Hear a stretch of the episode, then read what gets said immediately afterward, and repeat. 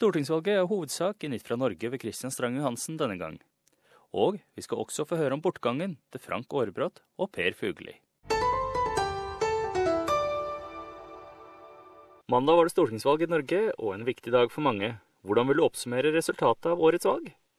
Den raske oppsummeringen er at eh, Senterpartiet, SV og Rødt har gått fram, mens eh, Arbeiderpartiet, regjeringspartiene og deres eh, to støttespillere alle har gått tilbake. Dette er likevel ikke mer tilbakegang for Høyre og Fremskrittspartiet enn at de to partiene vil kunne fortsette som før. Forskjellen sammenlignet med den fireårige perioden vi har lagt bak oss, er at de to partiene sitter noe mindre trygt. Både fordi de har mistet noen plasser på Stortinget, og fordi særlig KrF har gjort det tydelig at de ikke vil ha noen fast avtale, slik vi har hatt det nå. Og det har å gjøre med den store avstanden til Frp. Venstre vil ikke derimot klare til å gå inn i regjering, men nøyaktig hvordan den nye regjeringen ble seende ut, det er litt for tidlig å si ennå.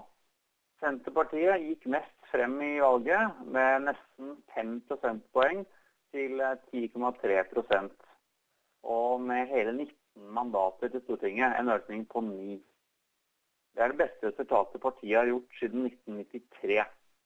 SV gjorde også et godt valg og endte opp med å få 6% av stemmene og 11 mandater, en økning på 4.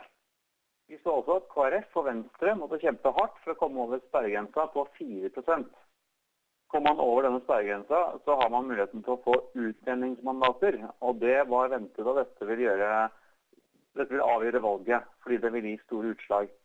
Siden begge partiene fikk litt over 4 kunne den borgerlige siden føle seg trygge på å fortsette, selv om venstresida, inkludert De grønne, til sammen fikk flere stemmer. Arbeiderpartiet opplevde det største fallet, 3,5 prosentpoeng, ned til 27,4% men er fortsatt Norges største parti. Dette er det nest dårligste valget til Ap siden 1927, og bare valget i 2001 var dårligere. Noe annet som er verdt å nevne, er at eh, De grønne beholder sitt ene mandat. Rødt fikk rekordoppslutning og får med sin leder Bjørnar Moxnes for første gang plass på Stortinget. Selv om vi bør nevne at forløperen Rød valgallianse hadde en representant på opptallet. Inkludert disse to får venstresida 81 stortingsrepresentanter, mens høyresida får 88. Det er nå totalt ni partier representert på Stortinget, og så vidt jeg vet, så er det det høyeste antallet noensinne. Over én million nordmenn forhåndsstemte, noe som også er rekord. Hva tror du kan være noen av årsakene til årets resultat?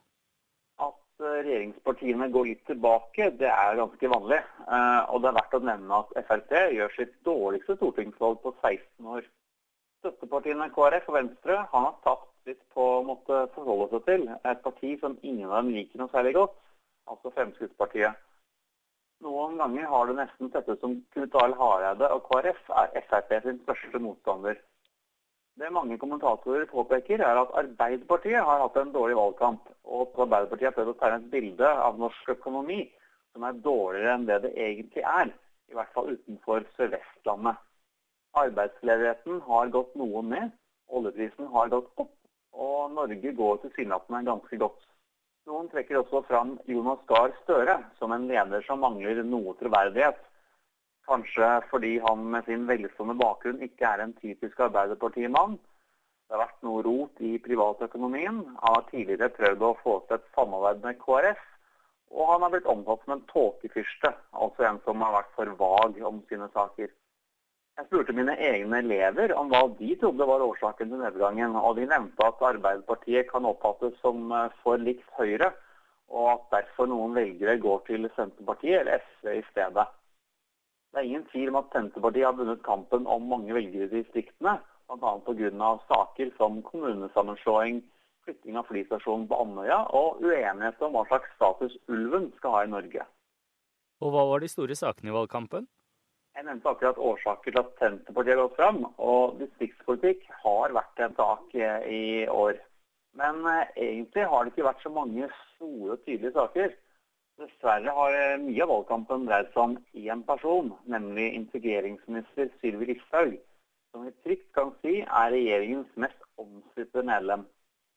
Vi må derfor også nevne innvandring og flyktningpolitikk som en sentral sak de siste par årene Og dette ble særlig aktuelt i forbindelse med den store mengden flyktninger som kom høsten 2015. Regjeringen fikk til en avtale på Stortinget om ny asylpolitikk samme år. Miljø har også vært en sentral sak, og det er bl.a.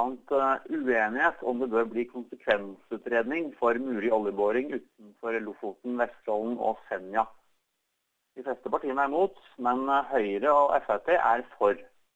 Litt overraskende er det også at eh, Jonas Gahr Støre nå har sagt at hans parti kan samarbeide om en konsekvensutredning i deler av dette området.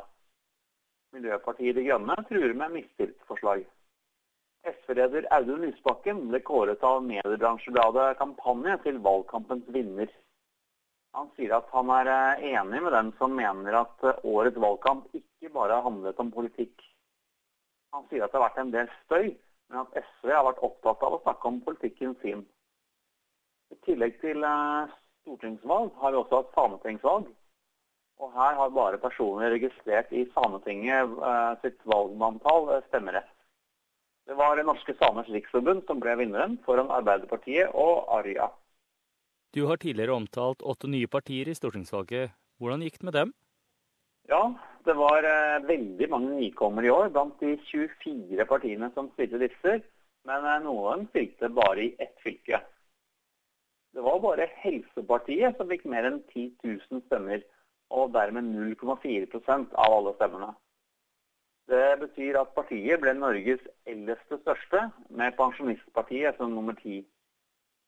De små partiene har fått veldig liten oppmerksomhet i valgkampen, og det inkluderer også Kystpartiet, som har vært på Stortinget før. Noe ting, som mest av alt er et humoristisk innslag, fikk bare 58 stemmer, noe som må være blant tidenes laveste. Frammøteprosenten ved stortingsvalget var for øvrig på litt under 78. Hvilke andre nyheter fra Norge vil du nevne? Av Norges eh, fremste valgkommentatorer, Frank Aarebrot, døde to dager før valget, 70 år gammel. Han var kjent som en svært dyktig formidler av politikk og historie, og deltok bl.a. i et eh, NRK-program hvor han fortalte om norsk historie fra 1814 og 200 år fremover på 200 minutter. Han var professor i sammenlignende politikk ved Universitetet i Bergen, og har bl.a. hatt Erna Solberg som student. I går døde lege, professor i sosialmedisin og samfunnsdebattant Per Fugelli. Han fikk eh, kreft i 2009 og har vært eh, åpen om dette. Og skrev bl.a. en bok om eh, vårt forhold til døden med tittelen 'Døden skal vi danse'. Fugelli ble 73 år gammel. Og hva er nytt innen sport i Norge? Ja, det ble seier mot Aserbajdsjan i VM-kvalifiseringen fotball for herrer 1.9. Men eh, noen dager senere tapte Norge hele 6-0 mot Tyskland. Da gjenstår det bare San Marino og Nord-Irland i oktober. Men om Norge vinner begge kampene, vil ikke det være nok til å kvalifisere seg til VM i Russland neste år. Norge er nå rangert som nummer 85 i verden, mens Australia er 45. Blant kvinnene er den største nyheten at en av verdens beste fotballspillere, Ada Hegerberg, tar en pause fra landslaget. Hun er eh, kritisk til Norges Fotballforbund og mener at det kreves forbedringer på flere områder, bl.a. i planleggingsarbeidet og kommunikasjonen i organisasjonen. Sykkel-VM starter i Bergen på lørdag, og mange norske ryttere deltar, bl.a. Alexander Kristoff og Edvald Boasson Hagen. Sykkel-VM varer til og med 24.9. Det var korrespondent Christian Stranger Hansen på SBS norsk. Jeg er Frank Mathisen.